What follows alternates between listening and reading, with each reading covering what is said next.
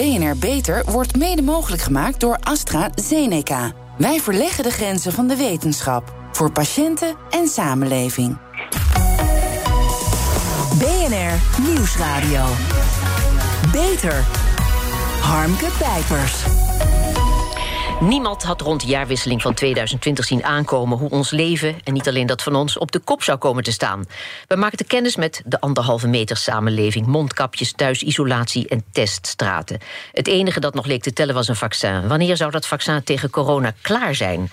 Het voelde voor velen als jaren, maar in werkelijkheid is er nooit eerder zo snel een vaccin ontwikkeld. Hoe was dat mogelijk? Wat zegt dat over het maken van vaccins? En hoe gaan we met alle dreigingen van nieuwe mutaties en virussen de toekomst tegemoet? Daarover ga ik praten met mijn gasten. Marjolein van Egmond, hoogleraar immunologie aan het Amsterdamse UMC. Hans van der Loos, schrijver van het boek De Race om het coronavaccin. En met Mark Kaptein, medisch directeur van Pfizer. Ja, ineens lijkt het in uh, sneltreinvaart te gaan. Terrassen open, allerlei versoepelingen. En zelfs kinderen kunnen vaccinatie krijgen. Marjolein, heb jij inmiddels al op een terrasje gezeten? Nee, maar ik snak er wel naar. Oh. En uh, ga jij als uh, wel ingelichte, zeer bewuste uh, vrouw... ga je ook naar het buitenland met vakantie... waar iedereen zo naar snakt? nee, ik ga waarschijnlijk niet naar het buitenland op vakantie... maar in het najaar waarschijnlijk wel weer voor het werk... maar dat is echt in het najaar. Gaat het eens echt zo snel beter? Of is dat maar ons gevoel na al die maanden van inbinden? Nee, het gaat echt, echt heel erg veel beter. En um, dat is op zich wel ook wel fijn om te zien dat er...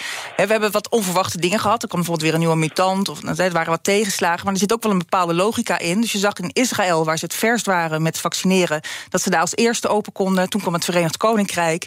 Ja, en wij lopen iets achter. Maar bij ons begint dat dus nu ook te komen. En je ziet echt heel duidelijk van... ja, de belangrijkste groepen zijn gevaccineerd. De ziekenhuisopnames gaan naar beneden. De besmettingen gaan naar beneden. Dus er zit wel echt een patroon in. Dus ja, dat gaat eigenlijk wel heel goed. Ja, maar Hans, we, we, willen wel dat alles heel snel normaal wordt. We zijn er blij mee, de cijfers worden ook beter. Maar is de overheid, ondanks waarschuwingen van het RIVM... toch niet te snel met de versoepelingen? Nou, ik denk dat soms de, de wens de vader van de gedachte is. En uh, dat we nog lang nog niet uh, uit, de, uit de misère zijn. Ik ben, ik ben de grootste positivo die er uh, op aarde waarschijnlijk rondloopt. Maar in het verleden zijn er veel verhalen zijn er verteld. Ook met grote des, deskundigheid en stelligheid beweerd waarvan later bleek dat het toch niet uitkwam. Dus ik zou nog wel eventjes uh, voorzichtig zijn en kijken wat er nu allemaal uh, nog aan mutanten en weet ik veel wat voor varianten op ons afkomt. Ja. En wat ik nu ook zie, de coronamaatregelen zijn vanaf september kunnen de ijskast in. Dat las ik vanochtend in een krant. Nou, ik denk dat we daar nog uh, verre van, van zijn. Ja. Eind januari, we gaan even terug naar het begin. Eind januari 2020 uh, paniek hè, in de Chinese stad Wuhan. Dagelijks uh, tientallen mensen die sterven, duizenden mensen worden besmet. China probeert het onder de pet te houden, maar in de westerse wereld werd daar maar lauwtjes op gereageerd. Hoe kan het dat het probleem zo werd onderschat volgens jou? Nou, er zijn een paar redenen voor. De eerste plaats was het uh, dat er al een paar, we hadden een paar waarschuwingsschoten gehad, om zo maar te zeggen. In de vorm van uh, SARS en MERS. En uh, dat waren eigenlijk waren dat, nou, een beetje losse vlodders geweest. Dus nou, was een zekere gewenning was er opgetreden. Ja, en in de tweede plaats, het werd toch, in het begin werd het gezien als een Chinees probleem. en wij in het Westen kijken vooral niet naar China. Dat vinden we toch een beetje een vreemd land en een merkwaardige cultuur met vreemde eetgewoontes. En toen ook nog een keer duidelijk werd dat dat virus uh, iets met een markt, met een eetmarkt uh, te maken had. Uh, ja, toen was eigenlijk was het pleitsnel beslecht. Het was een Chinees probleem en het zou ons niet raken. En ik moet ook zeggen, er was een totale argeloosheid van, van deskundigen. Die dan bij hoge laag beweerden dat het virus niet van dieren naar mensen kon worden overgedragen. Dat het hier een beperkt probleem zou zijn in Europa. Dat we goed voorbereid waren. En ik weet het allemaal niet. Dus als je dat achteraf bekijkt, en ik weet de, de beste stuur luisteren altijd aan, uh, aan wal. Maar dan, uh, dan, ja, dan heb je, moet je toch wel uh, je wenkbrauwen omhoog trekken. Ja, Marjolein, viro virologen hadden al wel jarenlang voor het gevaar van een pandemie gewaarschuwd. Hadden ze toen het coronavirus zich aandiende meteen door dat dit was waar ze al jaren rekening mee hielden? Nee, ik denk dat dat wel even een poosje heeft geduurd. En dat heeft inderdaad met name te maken dat het erg op SARS leek. En bij SARS was het zo dat dat werd eigenlijk pas besmettelijk op het moment dat mensen echt heel erg ziek waren. Dus dan kon je het makkelijker ja, herkennen. En nu was het zo, dit bleek dus uh, ook over te gaan als mensen zeg maar, helemaal geen symptomen hadden. En dan, ja. dan ja, het was dus eigenlijk al verspreid voordat mensen door hadden dat dat kon. Ja, de komst van het virus werd uh, door virologen, heb ik toch begrepen, als onvermijdelijk beschouwd. Er werd ook al onderzoek gedaan, bijvoorbeeld door uh, Ron Fouché. Maar dat onderzoek werd niet bepaald aangemoedigd destijds. Is de treurige constatering dan niet dat als hij en collega's uh, niet waren tegengewerkt en niet al lang een vaccin had kunnen klaarliggen? Nou, dat denk ik niet. Kijk, een vaccin is heel specifiek tegen een bepaald virus. En ja, als je dan een vaccin maakt tegen virus A... en dan blijkt dat de pandemie toch net virus B is... dan heb je er niet zoveel aan. Dus ik denk uiteindelijk dat dat misschien wel, wel extra kennis had opgeleverd... maar ik vraag me af of het daardoor echt sneller was gegaan. Hans, als de eerste besmettingen in Nederland zijn vastgesteld... Hè, dan ontstaat er toch een soort paniek. Verzorgingstehuizen dicht, geen bezoek, allerlei scherpe maatregelen. Hoe wel overwogen waren die maatregelen? Of handelde de overheid als een kip zonder kop? Jij mag het zeggen. Nou, het laatste zou ik niet gelijk in mijn mond nemen. Maar laten we zo zeggen, we waren, uh, ik denk, schandalig onvoorbereid. Die term is een keer uh, genoemd, ook in internationaal beland, uh, verband. En dat kunnen we hier van Nederland kunnen we dat ook wel zeggen. er was een, een, een, soort gevoel van overmoed dat het allemaal wel aankonde. Dat we goed waren voorbereid, dat we dit varkentje wel even zouden wassen. En dat het allemaal niet zo'n zo'n vaart zou, zou lopen. ja, Mark, ben jij het daar hiermee eens? Dat het zo onderschat werd? Nou, ik, ik heb gisteren in het NRC een heel interessant artikel met de directeur-generaal van eh, VWS. En hij zei uh, dat de Nederlandse overheid 100% van de beslissing moest nemen met 50% van de kennis. En ik denk dat dat echt een overschatting is. Ik denk dat ze hooguit 20% van de kennis hadden. Dus op dat moment ja, wordt het ook wel heel erg moeilijk om de juiste beslissingen te nemen. Ik denk dat we er al met al het helemaal niet zo slecht hebben gedaan. Nee, maar hoe gaan we dat verbeteren in de toekomst, denk ik dan meteen? Als dat zo is, maar 20% van die kennis? Nou, is dat onvermijdelijk? Kon dat niet anders? Noodlot? Ja, alles kan anders. En ik denk dat we hoop geleerd hebben. En een van de dingen die we nu al hebben geleerd... is dat we zo'n Pandemic Preparedness Center hebben opgericht in, in Rotterdam. En ik denk dat dat al een goede stap eh, voorwaarts is. Heb je er ook zoveel vertrouwen in? Uh, ja, kijk, het lastige is met deze, deze pandemie. De laatste echte grote pandemie was 100 jaar geleden. Dus er leefde eigenlijk niemand meer die dat nog heeft meegemaakt. Ja, hoe, dan is het lastig om je daarop voor te bereiden. En nu weten we hoe dat is. Dus ja, ik hoop dat ze dit wel hier uh, dit evalueren en daar goede protocollen op schrijven. Hoe we het de volgende keer beter doen. Ja. Wat komt er allemaal kijken bij de ontwikkeling van een vaccin, Marjolein? Nou, dan kijk ik even naar mijn overbuurman, want die weet dat vast beter. Oké. Nou ja, Vertel. Maar. Het hangt er vanaf welk type vaccin je ontwikkelt. Maar, ja, uh, niet de hele dag graag. Nee, ik zal het kort houden. Messenger-RNA-vaccins, wat wij doen, dan begin je eigenlijk met, uh, met, met dierproeven. Volgens wat uh, kijk je, maak je een aantal kandidaatvaccins. We zijn met twintig kandidaatvaccins begonnen. Dat hebben we teruggebracht naar vier. En van die vier die hebben we in, bij vrijwilligers gebruikt. En hebben gekeken, zijn ze, geven ze een goede immuunreactie en zijn ze min of meer veilig. we weten nog niet alles van de veiligheid, maar op dat moment hebben ze een indicatie over de veiligheid. En daar maak je een keuze van. En we hebben er eentje gekozen en die hebben we in een hele grote 44.000 deelnemers studie hebben die uh, uitgetest. En dat bleek uh, goed te werken. Ja, die viruscode werd dus uh, vrijelijk gedeeld. Hè? Maar waarom gebeurt dat nu ook niet met het recept van het vaccin? Vraagt, vraagt menig in zich af. Ja, dat recept, dan heb je het over het patent. Ja. En er is vaak van gezegd van dat dat de snelheid van de distributie zou kunnen vergroten. Dat je -hmm. daarmee de productie kunt vergroten. Maar dat is niet zo. Het is echt de, de, de productiebeperkingen zitten in de hoeveelheid uh, ruwe materialen, uh, faciliteiten en ook goed opgeleid personeel. En dat is niet iets wat je op korte termijn kunt, uh, kunt opschalen en waar het opschorten van een patent ook niet bij helpt. Ja. Uh, Hans, wanneer is het vaccin klaar? Dat was wel de meest gehoorde vraag die door pers en publiek aan medici en farmaceuten werd gesteld. Ja, voor ons normale mensen leek het wachten eindeloos. Maar feit is dat het vaccin dus uh, een, in recordtijd werd ontwikkeld. Niet alleen door uh, de laboratoriumhelden, zoals jij de bevolking van de laboratoria in jouw boek omschrijft. Er was een heel systeem nodig om dat vaccin zo snel mogelijk goedgekeurd te krijgen. Wie waren er allemaal bij betrokken bij die ontwikkeling en welke rol hadden ze? Nou ja, in de eerste plaats waren dat de, de onderzoekers, die laboratoriumhelden. Die hebben echt uh, ja, op, een, op een vrij on, onwaarschijnlijke manier gezien, de, de, tekenen geïnterpreteerd en zijn gelijk aan de gang gegaan om zo'n vaccin te ontwikkelen. Vervolgens moest dat getest worden. Vervolgens was productie, distributie. Dan zie je de grotere farmaceutische bedrijven zie je dan uh, ook uh, in stelling komen. En nou ja, het is niet omdat dat Mark hier nu op dit moment zit, maar ik denk dat wat er bij Pfizer gebeurd is, dat dat toch wel een vrij uh, uniek verhaal is. Uh, zoals daar uh, gereageerd is en ook geacteerd is um, door, door de CEO van het bedrijf. Ja, Mark kijkt gevleid. Maar Mark, werd je wel eens gek van de vraag? Wanneer is het vaccin er nou? Nou, voordat ik daarop inga, nog een andere vraag. De andere opmerking. We hadden natuurlijk de laboratoriumhelden, maar wat, wat mij betreft ook de productiehelden. Ja. En wat we, we hebben vorig jaar eh, zomer zijn we al. Nee, exact, wel belangrijk. Want dat wordt als uh, gedacht van ja, je, je kunt een vaccin ontwikkelen, maar daar moet je ook nog heel veel van kunnen maken. Sorry, en uh, je andere vraag was. Nou, weet ik niet meer. Ik ga naar Marjolein nu.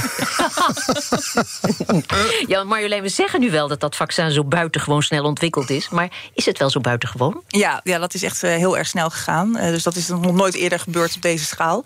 En dit is denk ik ook wat er dus gebeurt als er heel veel geld in wordt gestoken. En iedereen geeft die prioriteit aan. En uh, ja, echt, eigenlijk laat iedereen natuurlijk min of meer alles uit zijn handen vallen om hier aan te werken. Ja. En er, er, zijn ook een aantal eh, dingen, juist omdat er dus geen gebrek was aan geld en ook relatief weinig risico, kon je dus een aantal stappen tegelijk doen. En het is denk ik wel heel belangrijk om te melden dat alle stappen zijn gedaan. Maar normaal gesproken gaat het allemaal achter elkaar. En dan duurt het heel lang. En nu konden een aantal dingen tegelijk.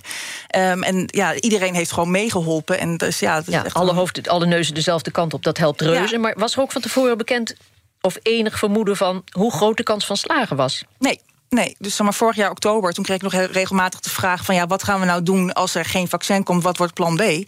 En dat is dus nog niet eens zo heel lang geleden. Dus uh, dat, uh, ja, dat is echt wel een kunststukje wat er is uh, gedaan. Dat, het, dat we nu eigenlijk al met z'n allen grotendeels gevaccineerd zijn. Ja, als de nood hoog is, hè? Mark, Pfizer besloot aan de slag te gaan met het mRNA-vaccin. Waarom werden al die andere mogelijkheden uitgesloten?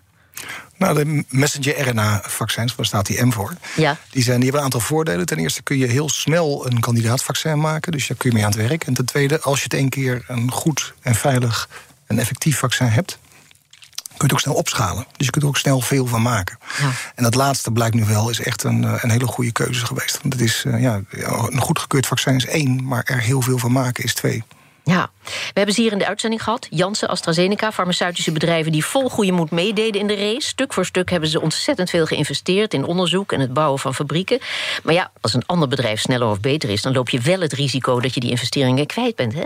Ja, dat klopt. Ja, kort antwoord. Natuurlijk hebben jullie de risico's ingecalculeerd, maar besloten om toch door te gaan. Wat was die afweging?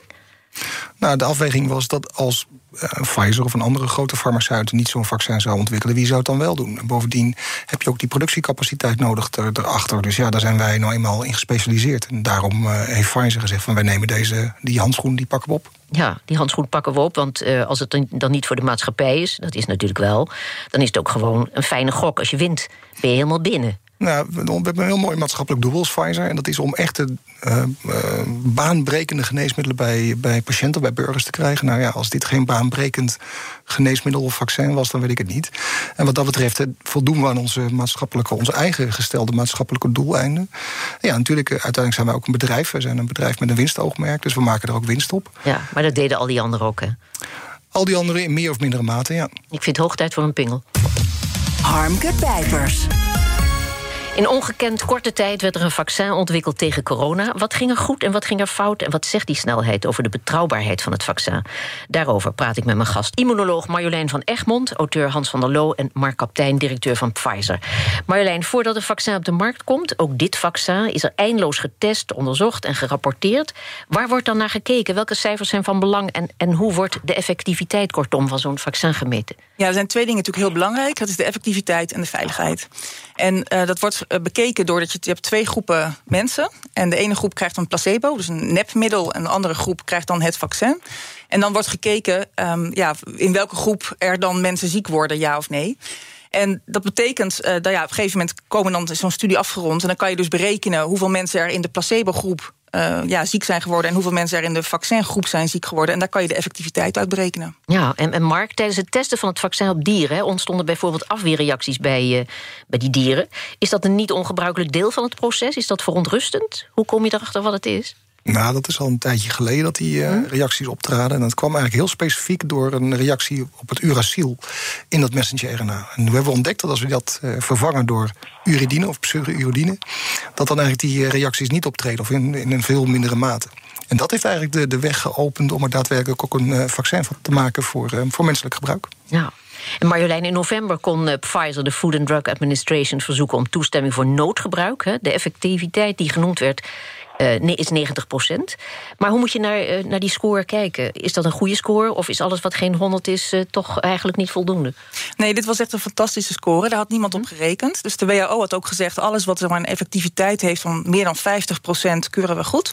Ja. Um, en ja, we, ik denk dat iedereen op dat moment heel erg blij was... als je al op 70 procent zou uitkomen. Dus dat toen inderdaad zeg maar 90, 95 zelfs naar voren kwam, ja, dat was echt een enorme positieve verrassing. Ja, want uh, menigeen vraagt zich af hoe je al die verschillende percentages moet interpreteren. Maar ik begrijp dat het is nogal een wijd spectrum waaruit we kunnen kiezen. Ja, maar het is heel belangrijk om zeg maar, wel te realiseren. Het betekent, zeg maar, wat is de kans dat, dit, dat het vermindert dat je ziek wordt. Hè? Dus als je mhm. maar 95% effectiviteit hebt, dan is de kans dat je er ziek wordt is 95% kleiner. En dat is bij de andere vaccins misschien wel 70 of, of eh, nou, bij de Chinezen de 50. Maar wat wel belangrijk is, alle vaccins voorkomen dat mensen heel erg ziek worden. Ja. Dus ze zijn misschien niet allemaal even goed om te voorkomen dat mensen helemaal niet ziek worden. Maar ze voorkomen echt allemaal heel goed dat mensen in het ziekenhuis terechtkomen of overlijden. En dan verschilt de werking van het vaccin, heb ik begrepen, ook nog eens per leeftijdsgroep en per sekse. Hè. Daar gaat trouwens heel veel gesprek over. Hoe zit dat? Um, ja, als je ouder wordt, wordt alles een beetje minder. En aan je spieren merk je het, aan je huid merk je het. Maar je immuunsysteem doet het ook minder. En vrouwen hebben over het algemeen een beter afweersysteem dan mannen. Dus die reageren daar vaak wat beter op. Zou de EMA ook genoegen moeten nemen met een werkingspercentage van 70% om maar eens niet te noemen? Waarom wel of waarom niet? Nou, sterker nog, dat hebben ze gedaan. Er zijn verschillende vaccins met een lager percentage ook goedgekeurd. En ook die uh, vaccins, zoals uh, mevrouw Van Egmond uh, zegt... Ja, dat zijn vaccins die ook die hele ernstige COVID-19-infecties voorkomen. Dus die zijn weliswaar dan een iets lager percentage... maar nog steeds heel effectief. Ja. Juist in het ontlasten van de zorg. In China werd er in de zomer van 2020 al gevaccineerd... met, zoals we weten, het Vero-vaccin van Sinopharm. Hoe kon het dat zij al zo snel een vaccin hadden... En menigeen uh, zoekt daar van alles achter. Van het is deel van een draaiboek wat ze hadden... wat betreft de hele pandemie. Maar... Ja, ik durf dat niet precies te zeggen... maar er zijn wel meer partijen die dat gedaan hebben. Je hebt ook het uh, Gamaleya-vaccin, het uh, Sputnik...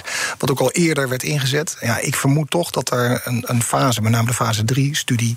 Eh, niet afgerond is of nog niet afgerond was. En dat ze toch al eerder zijn uh, gestart met vaccineren. Noodgedwongen, ja. Dat uh, vaccin tegen corona is belangrijk voor iedereen in de wereld. Hè. Waar, waarom geeft Pfizer de samenstelling en het patent van het vaccin niet gewoon vrij? Ik zie je nu ontzettend kijken. Als iedere vaccinfabriek dat uh, vaccin kan maken... dan zijn we toch veel sneller van het probleem af? Nou, dat is ook een heel praktisch idee. Ja, het klinkt heel praktisch, maar dat is ook een direct het probleem. Het is niet te maken in elke uh, fabriek. En je hebt er ook nog een keer de goede grondstof voor nodig... en het juiste personeel. Dus het vrijgeven, het opschorten van de, van de patenten... is niet de oplossing om snel veel meer vaccin te maken. Ja, maar je hebt dan wel een begin als iedereen aan de slag mag ermee, of niet? Nou ja, wat wij al doen is dat we, dat we niet gedwongen, maar op vrijwillige basis die, eh, die licenties uitbouwen. Dus andere partijen betrekken bij ons productieproces. En dat we in staat zijn geweest van, van eerst 1,2 miljard, nu al naar 3 miljard doses op jaarbasis. En volgend jaar 4 miljard. Niet alles ging meteen goed, hè? want dat zien we bijvoorbeeld bij eh, Janssen, waar problemen met de productie eh, voor een flinke leveringsachterstand zorgen. Maar toch, distributie, verpakkingsmaterialen, alles wat nodig is om de vaccins te die waren snel geregeld. Hoe kon dat zo snel worden gerealiseerd? Of moet ik daar Jansen voor bellen? Nou, nee, ook. Ik denk dat dat ook wel die productie, dat opschalen van de productie, is echt een, eh, echt een kunststukje geweest. En we zijn daar al eh, vanaf de zomer 2020 mee begonnen. We hebben fabrieken die, die wij zelf uh, hebben, die hebben we vrijgemaakt. Om voor echt, echt in te richten voor de productie van het messenger-RNA-vaccin. Bovendien hebben we ook nieuwe fabrieken gekocht. Dus ja, op die manier gaat het denk ik wel snel. Ja, Marjolein, het ene vaccin is het andere niet, om maar iets te zeggen. Zo moet het uh, Pfizer-vaccin bij min 80 graden worden vervoerd en bewaard... maar Moderna en Oxford uh, niet. Hoe komt het dat die verschillen zo groot zijn? Want die zorgen nogal voor wat problemen. Ja, nou, inmiddels is het zo dat Pfizer ook niet meer op min 80 hoeft. Dat kan ook op min 20. Um, ehm, kijk, het, het, verschil is, is dat um, RNA is is nou eenmaal gewoon echt instabieler. Um, en dat, dat moet dus ingevroren worden. Terwijl die andere vaccins die zijn wat stabieler. En die hebben dus daar is dat minder kritisch. Um, en dat is dus met name natuurlijk ook heel erg fijn als je naar kijkt naar het platteland ergens in Afrika. Dan, dan is natuurlijk een, een vaccin wat je in de koelkast kan houden, is wat praktischer. Maar uh, uiteindelijk, ja, die verschillen, die, uh, ja, dat is vooral logistiek. Ja. Zeg, uh, Hans, de snelheid waarmee de vaccins zijn uh, klaar uh, waren... Is, is tot op de dag van vandaag voer voor sceptici. Want een vaccin dat er zo snel is, dat kan niet veilig zijn, redeneren ze. Los van allerlei complottheorieën. Hoe terecht is dat wantrouwen? onterecht. Maar ik snap wel waardoor dat uh, is. Um, kijk, er is vanuit uh, verschillende overheden is aardig wat gesjoemeld met cijfers. China hadden we net als voorbeeld, Rusland is uh, ook een voorbeeld. Er waren nog een aantal politieke leiders hier in het Westen die eigenlijk niet in de ernst van de ziekte geloofden. Uh, denk aan Boris Johnson, denk aan Donald Trump. Um, dus um, er heeft een hele propagandamachine is er vanuit China en Rusland ook op gang gekomen om die westerse vaccins in discrediet te brengen. Dus ik kan wel, uh, en, en het is ontzettend vertraagd, het hele vaccinatieprogramma. Althans, trager verlopen dan, dan de ontwikkeling van het vaccin, de productie van het vaccin. Dus ik kan wel snappen dat er wat dat een, een ja, antivuur dat dat opgewakkerd is. Ja, aan het begin van de coronacrisis, Mark en Marjolein leken alle overheden de handen ineen te slaan. Het vaccin moest er voor iedereen komen. Ja, er is weinig van over. Iedereen probeert zijn eigen hachje te redden. Uit onderzoek van Oxfam Novit en Amnesty International bleek dat rijkste landen zoveel coronavaccins hebben ingekocht dat ze hun bewoners driemaal kunnen inenten. En dat terwijl de overgrote meerderheid van de mensen in arme landen nog jaren op een vaccin moeten wachten. Tja. Ja, ja dat is, uh, ik hoop dat dat snel daar een verandering in komt. En dat je inderdaad op een gegeven moment, uh, ja, als iedereen in het Westen is gevaccineerd, dat dan toch die vaccins richting de lage loonlanden gaan. want dat is wel ook heel erg belangrijk. Want zolang het vaccin daar kan, het virus daar kan vermenigvuldigen, kunnen er mutanten ontstaan waar wij last van krijgen. Dus. Ja, en daarbovenop, uh, Pfizer heeft ook aangegeven dat ze in ieder geval 1 miljard doses uh, beschikbaar gaan maken voor lage en middeninkomenlanden. En ook volgend jaar weer hetzelfde 1 miljard doses. En maar tenslotte ook nog wel belangrijk, die die, die, die hoeveelheid vaccins die zijn ingekocht, die zijn ook ingekocht omdat men nog niet wist welk vaccin de eindstreep zou gaan halen. Dus is op alle paarden ingezet. En dat wat nu overblijft, of overblijft, wat te veel is ingekocht, dat uh, gaat alsnog weer gedistribueerd worden. Ja. Ik hoorde in een discussieprogramma de vraag voorbij komen, dit tot slot. Uh, wat mij betreft de absurde vraag: moeten we wel willen leven in een vaccinatiesamenleving? Ja, om te beginnen met Hans. Wat vind jij van die vraag? Um, wat je al zei, vrij absurd. Ik denk dat het onontkoombaar is en vaccins die uh, horen, behoren tot ons leven. Elk jaar, uh, ik zit in de categorie dat ik een griepprik uh, moet halen of wil halen. Dus ik denk dat het een, een onderdeel is van ons, van ons bestaan. En ja. we're the lucky ones to have them. Ja, ik denk we leven in zo'n samenleving. Dat hele Rijksvaccinatieprogramma is natuurlijk al uh, in gebruik. En ik denk dat mensen vergeten zijn hoeveel uh, baat wij hebben gehad met vaccinatie en hoeveel ziektes er zijn voorkomen. Mensen zijn simpelweg vergeten hoe het is om te overlijden aan polio of mazel of wat dan ook. Dat zie je niet meer in de. Nee. dat, dus dat, die angst voor infectieziekten die is echt veel te ver weggeëpt. Ja. Mensen denken dat je het nu ook zonder vaccin zou kunnen redden. Dat is gewoon niet zo. En bovendien zijn de deelnemers aan die discussie... ik weet niet precies hoe oud ze waren. Ik hoorde een vlacht in de radio waarvan mijn broek dus afzakte zo ongeveer. Dat kan niet in de auto, maar goed. Uh, maar die, dat zijn dat, allemaal de generatie die als baby van alles uh, uh, geprikt heeft gekregen. En waarvan ik dan denk, ja, als die vaccins er niet geweest waren... had de helft van dat publiek er niet gestaan. Ja, ik denk dat dat de juiste conclusie is, ja. ja maar ik denk dat ze zich dat niet realiseren. Nee, dat denk ik ook. Nou goed, we gaan er verder over praten in een volgende uitzending. Dan gaan we verder over de bijwerkingen van de vaccins, de betekenis van de vaccinatiegraad, maar ook over hoe verstandig het is om deze zomer al op vakantie te gaan en of we dankzij vaccins pandemie ooit helemaal onder controle kunnen krijgen. Nou, genoeg redenen om er dan weer bij te zijn. Hartelijk dank Marjolein van Egmond, hoogleraar immunologie aan het Amsterdams Universitair Medisch Centrum, Hans van der Loos, schrijver van het boek De Race om het coronavaccin en Mark Kaptein, medisch directeur van Pfizer. En tot zover deze uitzending van BNR Beter. Op bnr.nl slash beter is deze uitzending terug te luisteren... of on demand via de BNR-app en op uw favoriete podcast. We zijn ook op Twitter te vinden onder BNR Beter. Heeft u tips voor ons? Laat het ons weten. Ik ben Harmke Pijpers. Graag tot een volgend spreekuur. BNR Beter wordt mede mogelijk gemaakt door AstraZeneca. Wij verleggen de grenzen van de wetenschap. Voor patiënten en samenleving.